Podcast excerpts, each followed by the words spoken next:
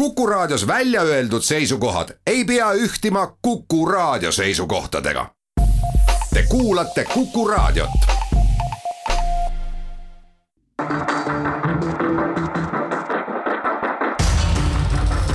muuli ja Aavik. muuli ja Aavik. tere päevast, kell on kaheksa minutit üle, üle, üle, üle üheteistkümne. Ei ole veel saade alustanudki, kui ma juba kokutama hakkan. et alu-, algab siis saade Muuli ja Aavik, stuudios on Kalle Muuli ja Mart Jaavik. tere.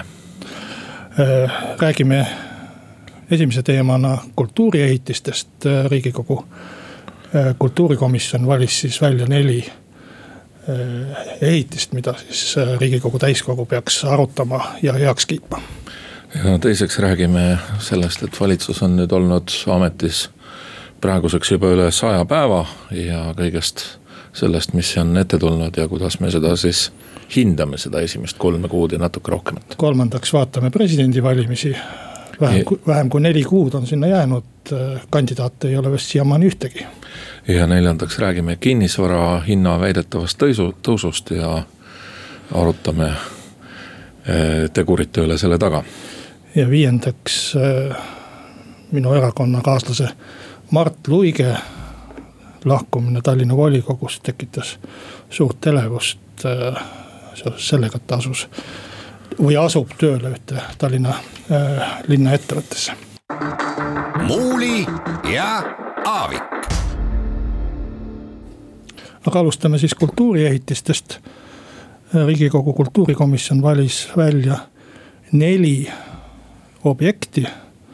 Tartu südalinna kultuurikeskuse, Narva Kreenholmi äh, äh, kultuurikvartali Manufaktuur, Arvo Pärdi nimelise muusikamaja ja Estonia juurdeehitise just sellises järjekorras ja siis kavatseb selle või, või esitas selle siis riigikogule äh, arutamiseks ja heakskiitmiseks. riigikogu täiskogu võib äh, seda järjestust muuta ja võib ka sealt äh, põhimõtteliselt ju midagi välja võtta, nii et me ei saa rääkida sellest kui lõplikust valikust, ehkki kultuurikomisjonis on ju loomulikult nagu ookean vee, veetilgas esindatud ka kogu riigikogu suur koosseis, ta ikkagi mingit jõudude vahekorda ja, ja otsustust kajastab.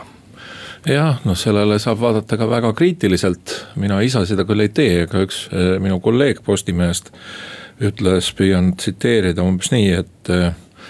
et on välja valitud kaks objekti, mille, mida võib-olla ei saa ehitada, sellepärast et vastuseis on nii suur.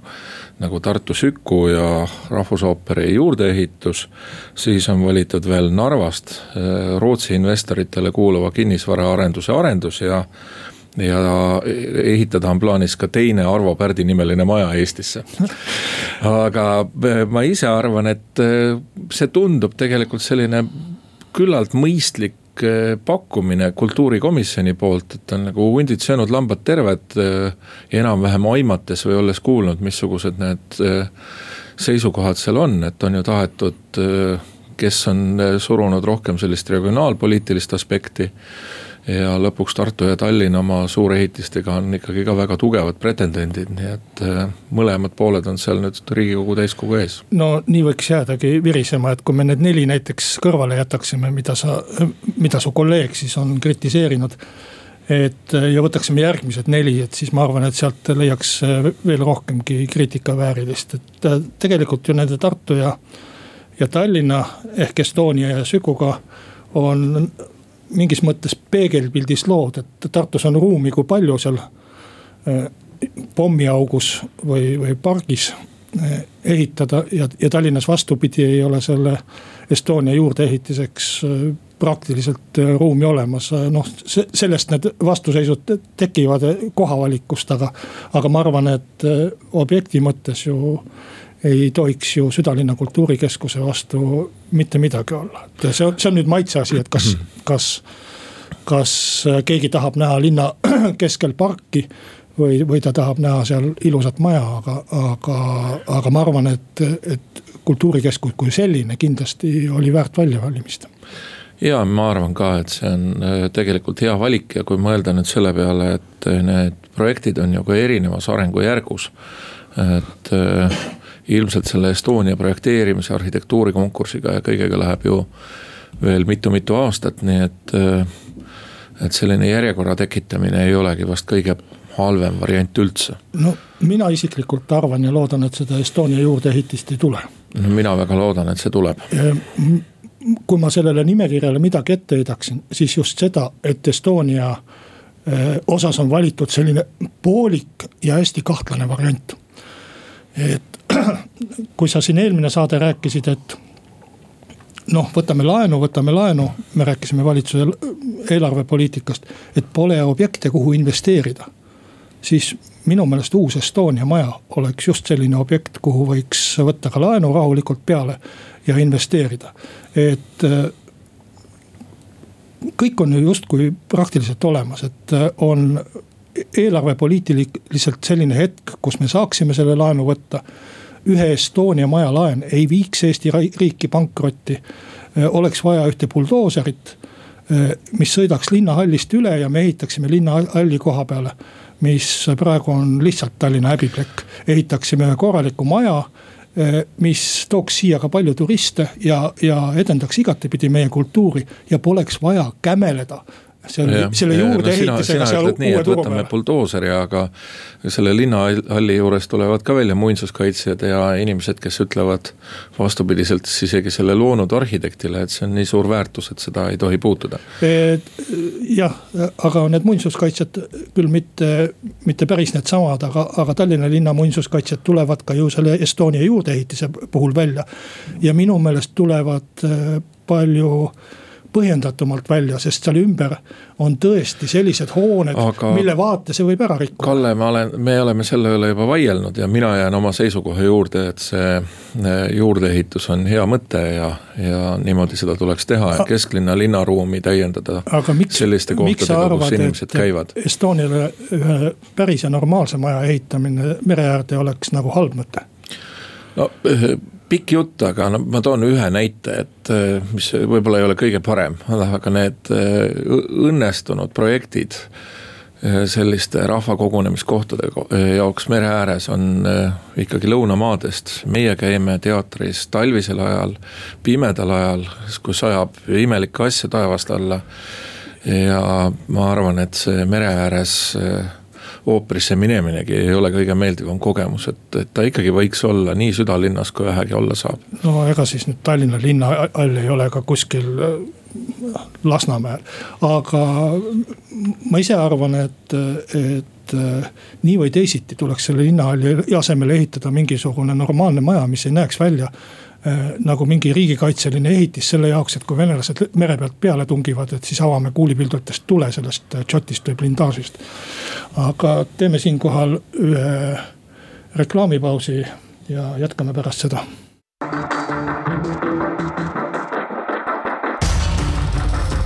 muuli ja Aavik. muuli ja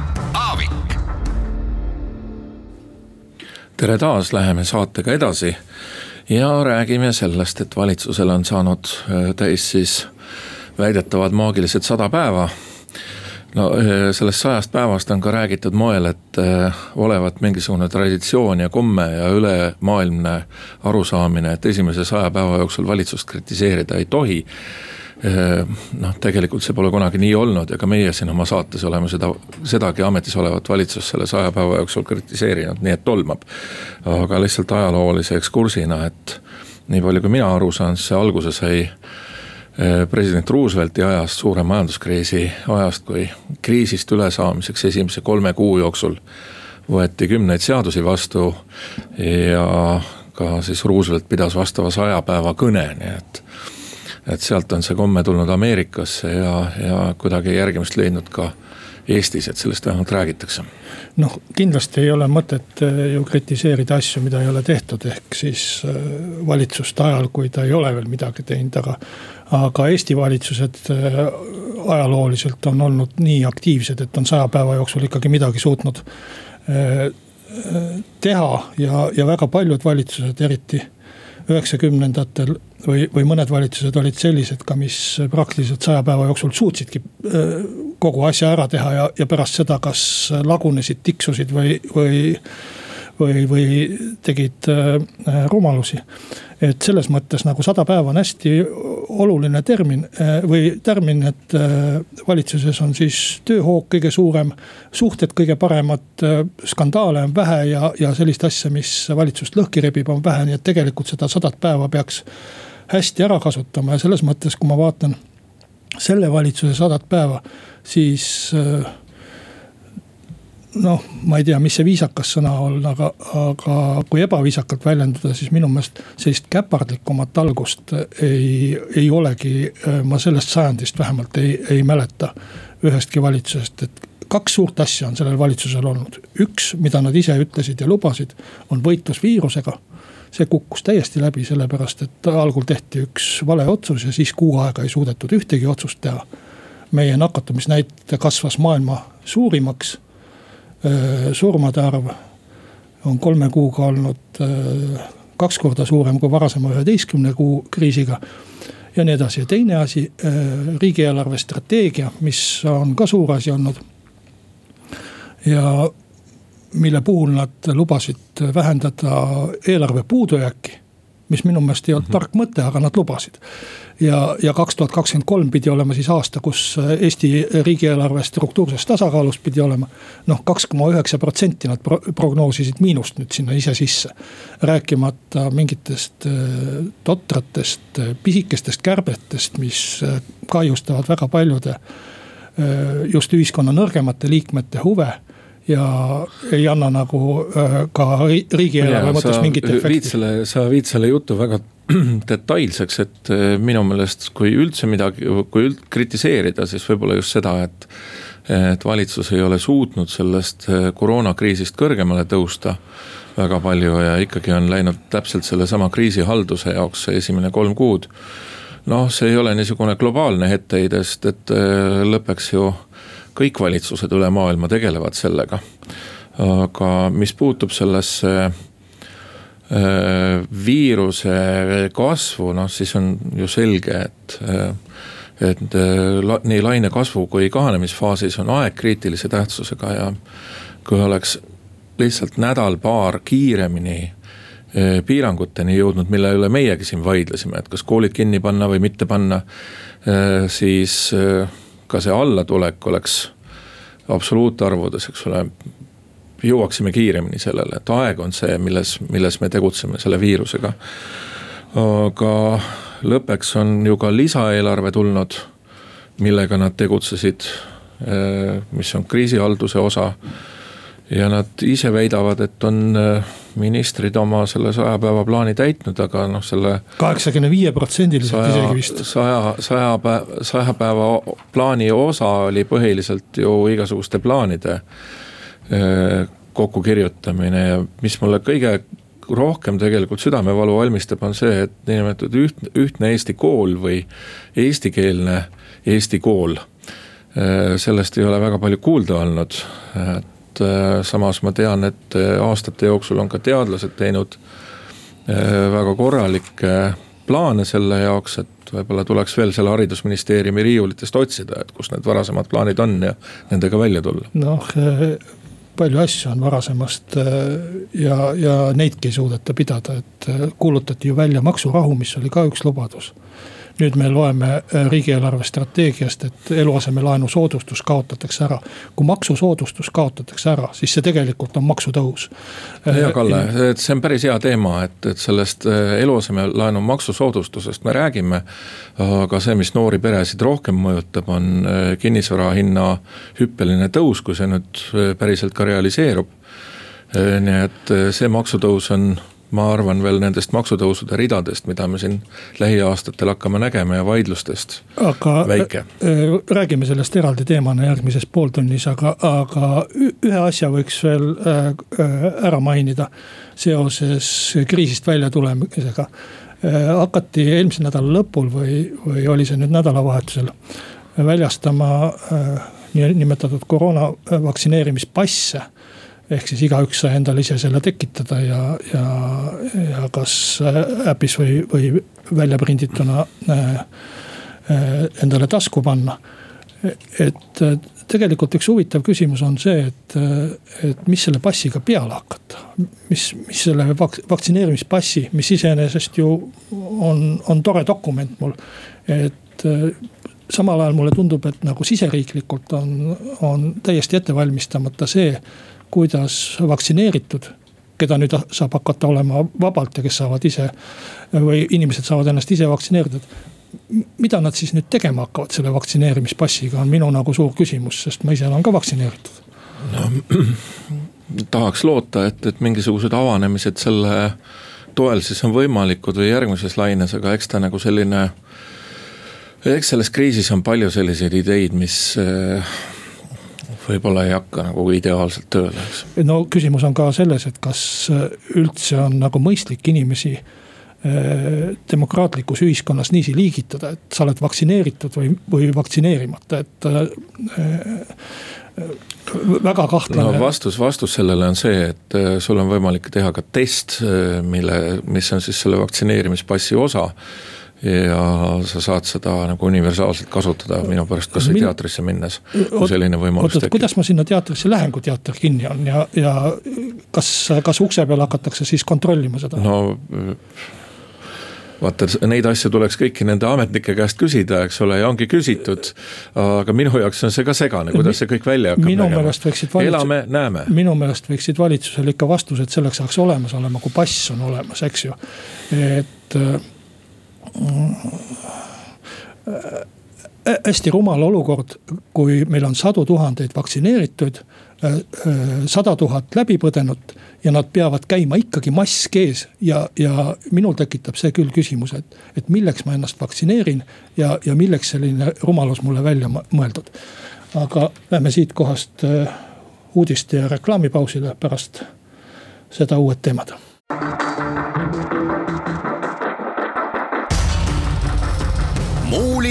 Ja Aavik. muuli ja Aavik jätkame saadet äh, stuudios Mart Jaavik ja Kalle Muuli. räägime presidendivalimistest, mis siis peaksid äh, pihta hakkama augustikuu lõpus riigikogust.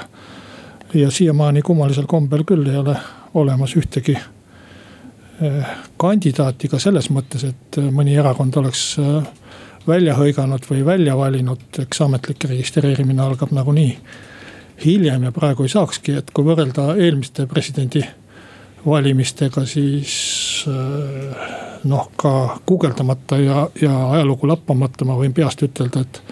et Siim Kallas oli kindlasti äh, presidendikandidaadiks äh, juba välja hõigatud selle aja peale, aga võib-olla, et oli veel rohkemgi kandidaate, et praegust on siis selline kummaline olukord, et justkui Eestis keegi ei tahakski presidendiks saada jah, veidi veider ta muidugi on, et äh, eks siin on eelmise korra kogemused ka ilmselt erakondadel ees, et kuidas siis läks ja lõpuks äh, Siim Kallas tegigi äh, selle eelmise korra avapaugu ja kui ma õigesti mäletan, siis vist sellepärast, et ta ei olnud nii väga kindel, kui, kas tema oma erakond teda just sellisel kujul oleks esitanud, eks.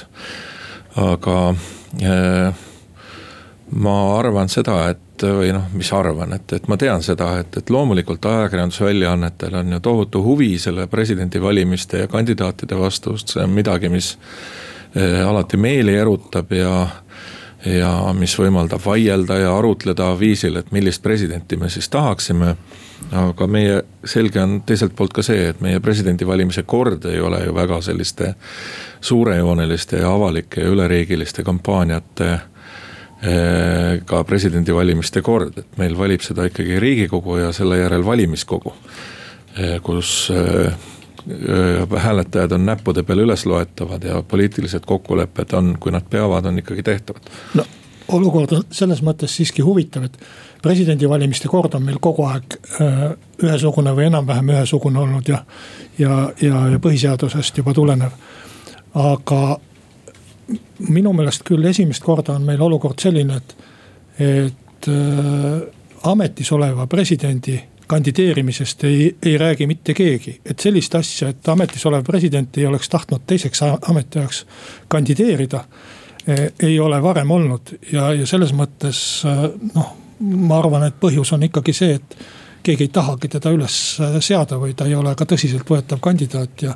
ja siit võiksime küll teha järelduse, et, et edaspidi peaks ikkagi valima presidendiks inimesi, kellel on mingigi poliitiline ajalugu olemas, et vastasel korral me ei tea, kuidas ta oma ametis hakkama saab või kas ta õnnestub või ebaõnnestub, võib loomulikult ka õnnestuda, aga see on selline noh, põrsa ostmine kotis, kus, kus sa lähed riski peale lihtsalt välja, et tore inimene ja äkki saab hakkama.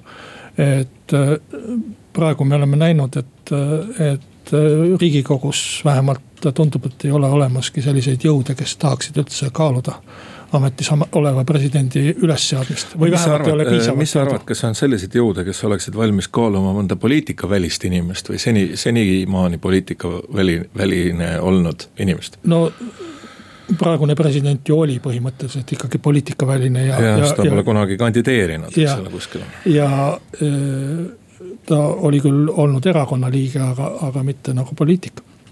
Et ma arvan, et, et põhimõtteliselt küll, aga, aga te, et, et poliitilised jõud oleksid valmis seda arutama. aga seda ikkagi täpselt samasuguses olukorras, nagu nad aru, arutasid eelmine kord Kersti Kaljulaiu, äh, Laidi äh, kandidatuuri. et kui, kui muid variante, kui poliitilisi variante enam ei ole, et siis. aga noh vastasel korral ju peaks küsima, et aga, aga miks nad seda teevad, mille jaoks, et äh, see on ikkagi üks poliitiline ametikoht, mida poliitikute vahel jagada ja see, et meil ei ole ühte kandidaat, ühtegi kandidaati, ma arvan, tuleneb äh, sellest, et Jüri Ratas, riigikogu esimees, ei ole teatanud oma otsust, kas ta soovib kandideerida või ei soovi kandideerida. ja, ja selle, selle järel kõik ootavad ja ma arvan, et Ratase kandidatuur, kui see tekiks, oleks nii kõva tema kõrvale ühtegi arvestatavat kandidatuuri ei tekiks, noh kindlasti võib-olla seal EKRE seaks enda kandidaadi üles, aga need ei oleks äh, ikkagi konkurentsivõimelised, nii et praeguse pildi järgi tundub küll, et kogu presidendivalimiste äh, saatus sõltub Ratasest. tahad öelda seda, et äh, Ratas ise otsustab, kas ta hakkab presidendiks või ei hakka. Et minul on seda küll nagu päris raske aru saada, et, et mille eest teda nüüd järgmise uhke ametikohaga peaks siis premeerima Eesti poliitikas. et mis on, mis on see peale sellise häälte loogika veel, et, et mis oleks Ratase tugevus reaalselt presidendina? ma arvan, et äh, Ratas oleks presidendina kindlasti tugev president, äh, selles, selles ma küll ei kahtle. Äh, küsimusele, miks teda peaks selle ametikohaga premeerima, ma oleksin täpselt sama kahtlev, et, et noh, ei ole ju ju see viimane ots nii plekitu ja laitmatu olnud, kui sa vaatad neid äh, Keskerakonna äh, korruptsioonijuhtumeid. ja, ja kogu seda trianglit, mis, mis ju praegu veel edasi käib uurimisorganites. ei ole see nii õnnestunud ja, ja selles mõttes mina küsiksin ka, et miks peaks premeerima. ma kuulen erilise imestusega tegelikult seda äh, Martin Helme juttu, et ei tea küll, mida inimene oma peas mõtleb, aga, aga noh, ühelt poolt on siis selline pidev Keskerakonna korruptsiooni eh, kritiseerimine, mis on absoluutselt õigustatud. ja teiselt poolt äh, jutt sellest, et äh, ikkagi Jüri Ratas oleks hea ja tugev kandidaat sellele presidendi ametikohale. no seal on poliitiline loogika ju täiesti olemas selles jutus. EKRE-le kindlasti oleks kasulik ja Keskerakonnale tervikuna oleks väga kahjulik, kui Ratas vahetult enne kohalikke valimisi erakonnast lahkuks ja, ja kui ta presidendiks tahaks kandideerida, siis ta peab seda tegema. et äh, Keskerakond peab siis äh, valimisteks valmistumise asemel hakkama esimeest otsima Äh, kõike ümber mängima, tekib võimuvõitlus, äh, erinevad leerid. Äh, no just see, see on, see on arusaadav. ja, ja see ongi Martin Helme kui EKRE esimehe põhjus või motiiv. ehk siis me võime, võime teistpidi öelda, et presidendi võib meil teha puhtalt selline erakondlik konkurents ja kius ja mitte positiivses mõttes, et et tahame kedagi saada sinna etteotsa ja võistleme selle ametikoha pärast, vaid mõtleme mitte küll üligeniaalselt kaks käiku ette, aga ühe käigu ette, see nõrgestab mõneks ajaks siis seda konkurenterakonda. noh, võib ka nii ütelda, aga eks president olegi poliitiline ametikoht ja ta ongi erakondade kokkulepe. et äh, ükskõik, millised nende, need erakondade motiivid olid. Äh, ma arvan, et äh, Eesti president oleks praegu Jüri Luik, kui EKRE oleks käitunud eelmiste valimiste ajal konstruktiivsemalt ja, ja teistmoodi, aga ega erakond käitub nii, nagu ta tahab ja, ja, ja nii see, nii see asi on. sattus tegelikult ju vihma käest räästa alla hoopis oma valikuga. täpselt samamoodi ma arvan, et võib ka nüüd minna, kui nad hakkavad äh, Jüri Ratast äh, toetama mingisugustel mm -hmm. kummalistel põhjustel, samas mina ei ole sugugi sada protsenti kindel, et kui Ratas otsustaks kandideerida, et siis ta tingimata äh, läheks ka valimiskogus ehk põllul läbi. ehkki äh, poliitikud ise ütlevad, et seal peaks hääled olema, aga seal on võimalik tekitada ka olukordi, kus äh, kedagi ei valita valimised kukuvad läbi, nii nagu eelmine kord. ja, ja, see, see on veel üks probleem, et ma ütlen vahele veel, et, et mulle need eelmise korra presidendivalimised väga meeldisid, et need debatid ja arutelud olid tõesti sisukad ja ma arvan, üks kõige sisukam neist oli see, mis ma ise korraldasin Postimehe Trefunksil. ja, aga ta läks ju vussi ühe reegli pärast ja sellepärast, et loetakse ka siis neid rikutud sedeleid või e, mitte hääletanuid, et e, kui oleks suutnud riigikogu muuta ühte reeglit. et loetaks lihtsalt kokku enam hääli saanud kandidaadi hääled ja mitte ei arvestataks neid rikutud sedeleid ka sinna hulka, siis mitte koosseisu enamust, ühesõnaga. siis oleks meil elimineeritud vähemalt üks viga selles valimissüsteemis, seda ei ole tehtud, mis iganes need põhjused ka on ja ja tulemus on see, et selle presidendivalimiste läbikukkumise oht, nagu eelmine kord juhtus, on kõigi järgmiste valimiste peal ka. ja äh, mina ütleks selle peale, et kui seda ei ole tehtud, siis ei ole selleks poliitilist tahet olnud ja, ja erakondadel ei ole selleks äh, huvi olnud ja muud äh, põhjust seal ei olegi on püütud säilitada endale see võimalus, et kui asi läheb halvaks, siis me kukutame valimised lihtsalt läbi. et äh, nii see on, aga äh,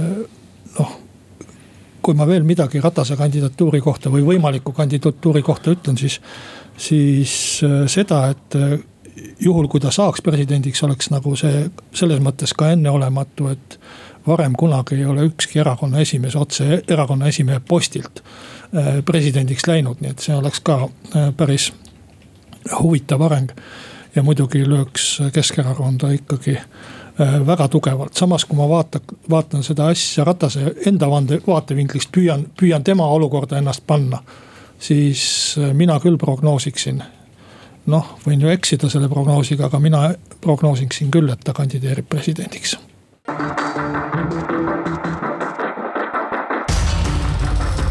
muuli ja Aavik.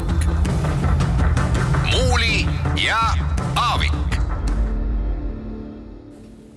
jätkame, jätkame saatega ja räägime kinnisvarahindade väidetavast tõusust, sest et ega meil mingisugust korralikku statistikat ees ei ole, esialgu on tegemist turul tegutsejate juttudega. aga noh, põhjust neid uskuda on, sellepärast et raha pakkumine on ju äh, küllalt äh, leebe ja, ja, ja väidetakse siis, et äh, uued korterid lähevad kui soojad saiad. kõrvaltvaatajal on muidugi ka tuleb väike koefitsiendiga vaadata, et eh, tihtipeale ju kinnisvaraarendajad oma turundusstrateegia või turundustaktika osana väidavadki, et neil on eh, õudne puudujääk nendest uutest korteritest, et tulge ruttu-ruttu ostma. aga noh, teine pool on see, et eh, juba Eesti Pank küsib, et võib-olla peaks tõmbama seda raha pakkumise, raha pakkumise kraane natukene koomale, et ei toimuks selliseid ebaloomulikke hüppeid ja siis eh, pärast mulli lõhkemist mis on väga halb, eh, niisugust eh, kahetsusväärset kukkumist. et see on ju see, mida kardetakse. et ideaalne olukord oleks see, et võimalikult tasaselt, aga tõusvas joones need hinnad liiguksid. noh, pole ta nii väidetav ühtegi, et ta on ikka päris on see asi. Ja, ja seda näitavad ka statistilised andmed, noh, võib-olla, et mitte nii suure jõnksuga, kui on jutud. aga, aga selge see, et, et kinnisvara hinnad on kõrgemad kui, kui aasta tagasi ja, ja kõrgemad võib-olla, et ka kui, kui viimasel kümnel aastal üldse ja, ja noh, selline mullieelne olukord on kindlasti olemas. aga noh, ühest küljest on seal objektiivseid põhjuseid, aga kindlasti on seal ka sellist emotsiooni sees, hirmu selle eest, et mis meie rahast üldse saama hakkab. kui sa vaatad Tallinna börsile, siis seal on samasugune olukord aktsiate hinnad on nii kõrgel, et enam ei mäletagi, millal nad sellised on olnud. kindlasti mitte viimastel aastatel, kui nüüd jätta välja Tallinki aktsia ja võib-olla ka Tallinna Sadama aktsia, mis päris tippe ei ole teinud, kuna turismiga on nagu on, aga, aga kõik muud on ju ju pöörastes kõrgustes ja isegi mõned mitmekordseks kerkinud aasta jooksul. et äh, ma arvan, et sellises olukorras peaks tegelikult olema nii pangad kui ka valitsus oma poliitikas paindlikumad. et äh, kui võtta minusugused inimesed, siis äh, pealt kuuekümnesed inimesed ostavad kinnisvara ju ainult siis, kui neil on kotiga raha nurgas. ja see, see tähendab seda, et nad kindlasti ei osta ka seda endale elamiseks, vaid investeeringuna ja neil pole ka selles mõttes nagu elu ja surma küsimus, et saada nüüd see korter või mitte saada, nad võivad ka maad, metsa, ma ei tea, kulda, mida iganes, aktsiaid osta. Aga, aga probleem on ju noortel. ja, ja noortel, ma arvan, tekib sellest ikkagi väga tõsine probleem kui laenu ei anta või, või ütleme siis laenutingimused keeratakse kõvemaks, kui kaotatakse ära e, eluasemelaenu intressivabastus. ja, ja samal ajal kinnisvara hinnad lähevad lakke noortel inimestel on vaja laenu võtta selleks, et omale kinnisvara soetada. ja mm -hmm. kinnisvara ei ole neil vaja mitte investeeringuna, vaid selleks, et üldse kuskil elada. aga eh, kuule, sa räägid intressi eh, tulumaksu tagastusest, mis on köömes võrreldes sellega, kui sul lühikese ajaga kasvab nagu elamiskinni, kinnisvara hind seal viisteist protsenti või midagi, eks ole, et sa saad sisuliselt kogu selle perioodi äh, Äh, tulumaksu tasutud ja sul jääb veel kõvasti ülegi, mis sa üldse laenu võtad. et see põhiline tegur on ikkagi see, et äh, raha pakkumine on suurenenud ja nüüd ongi küsimus, et kas peaks olema kuskil kuskil seda pidurit tõmbama või ei peaks, eks? ma arvan, et, et Äh, selline raha pakkumine, et, et pangad annaksid äh, kergemate tingimustega laenu, et sellist asja tegelikult ei ole. on küll saadet, saadud natuke rohkem KredExi tagatisi ja, ja mingisuguseid selliseid asju. aga põhiline ikkagi, mis seda kinnisvara hinda üles surub, on inimeste hirm tuleviku pärast. inimeste hirm sellest, et mis saab minu rahast. Äh, ja, ja mitte, mitte eriliselt soodsaks muutunud laenutingimused.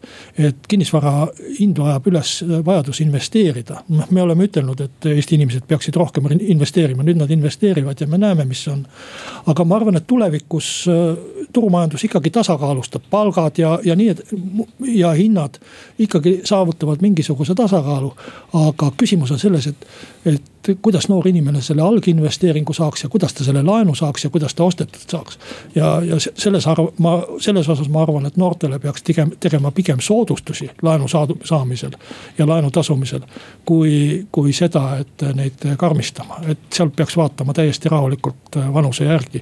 soovitab mees, kes on üle kuuekümne aasta vana. et soovitad vanuselist diskrimineerimist, et vanainimesed hoidke hoidke suud puhtalt võimalusest saada endale enne surma veel päris oma kodu. no vanainimesed nagunii laenu ei saa, neile lihtsalt ei anta, neid diskrimineeritakse nii või teisiti, aga räägime nüüd saate lõpuks, lõpetuseks ka ühest äh, huvitavast töökohavahetusest või vähemalt äh, kui ta huvitav ei olnud, siis ajakirjanduse tähelepanu pälvinud äh, töökohavahetusest. Tallinna volikogu aseesimees Mart Luik asus siis tööle. Kohe ütlen selle asutuse nime välja ka, Tallinna linnavalitsuse strateegiakeskuse ettevõtlusdirektorina ja seda peeti päris suurte uudiste vääriliseks. no loomulikult peetakse, sellepärast et see on ju äh, reas mustrist, kus teistest erakondadest meelitatakse poliitikuid üle. et sina tõenäoliselt ütled, et Mart Luik ei olnud üldse tähtis poliitik. no ajakirjanike vaatest võib-olla me ei saa siis aru hästi, aga Tallinna linnavolikogu aseesimehe koht ju tundub ikka päris poliitiline ja, ja lausa palgaline, kui ma õigesti mäletan, et et ei ole, ei ole see asi nii pisikene midagi ja pealegi, nagu ma vist juba ütlesin, on see osa pikemast mustrist, et ka siin sotsiaaldemokraatide hulgast ja. Ja ka Isamaast on varem ju meelitatud poliitikuid üle. et, et see on selline tähelepanuväärne tähelepanuväärne sündmus, ma arvan küll. noh, kui sa nimetad seda ülemeelitamiseks, aga selles, ma, ma arvan, et mis puudutab Mart Loike, siis Isamaale on see kindlasti äh, suur kaotus, et ta enam poliitilises tegevuses aktiivselt kaasa ei löö, et ta ei kandideeri. ja et ta ei ole volikogus ja lahkub sealt, see on kindlasti, äh, jätab mingisuguse tühimiku, mille täitmine võtab äh, aega. aga et ta oleks kuskile üle läinud või üle löödud või üle jooksnud, ta jääb ju Isamaasse alles Eh, ja, ja ainus ongi, et ta oma ametikoha tõttu ei saa poliitilises tegevuses kaasa lüüa, aga ta erakonda jääb alles ja. ja selles mõttes ta ei läinud Keskerakonda. Ta ei, vahetanud erakonda ja noh, kui juuksekarva lõhki ajada. ja, ja sa natukene ajadki juuksekarva lõhki, et, et kui, kui mõte, tõenäoline mõte Keskerakonnal siis Tallinnas on see, et. et tõmmata kasvõi mõni vaibanurgakene oma konkurentidel jalge alt ära, siis see on ju juhtunud, eks. no eks nagu meil läheb, eks meil läheb volikogusse Mart Luige asemel uus inimene ja eks ta hääletab ikkagi nii, nagu Isamaa hääletab seal volikogus, et selles mõttes nagu häälte suhe volikogus ei muutu. ja, ja, ja noh, suurt dramaatikat ma selles mõttes ei näe. Et äh, kahju on lihtsalt see, et Mart aktiivsest poliitikast äh, lahkub, aga, aga noh, mis teha, et äh, ikka inimesed vahetavad elukohti või töökohti ja, ja, ja ameteid ja.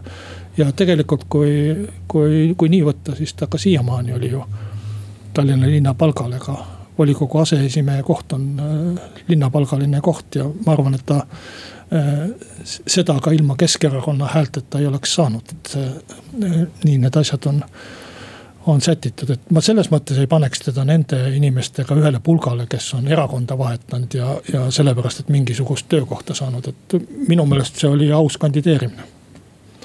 või oled sa mingil teisel seisukohal? no ei ole andmeid, et oleks olnud ebaaus kandideerimine lihtsalt sa väidad, et, et sellel mingit tähtsust ei ole ja ma kordan üle, et meenub ka Deniss Boroditš Reformierakonnast, aga meil saab äh, aeg täis nüüd ja ütleme teile kõike head ja soovime, et te kuulaksite meid järgmine nädal jälle.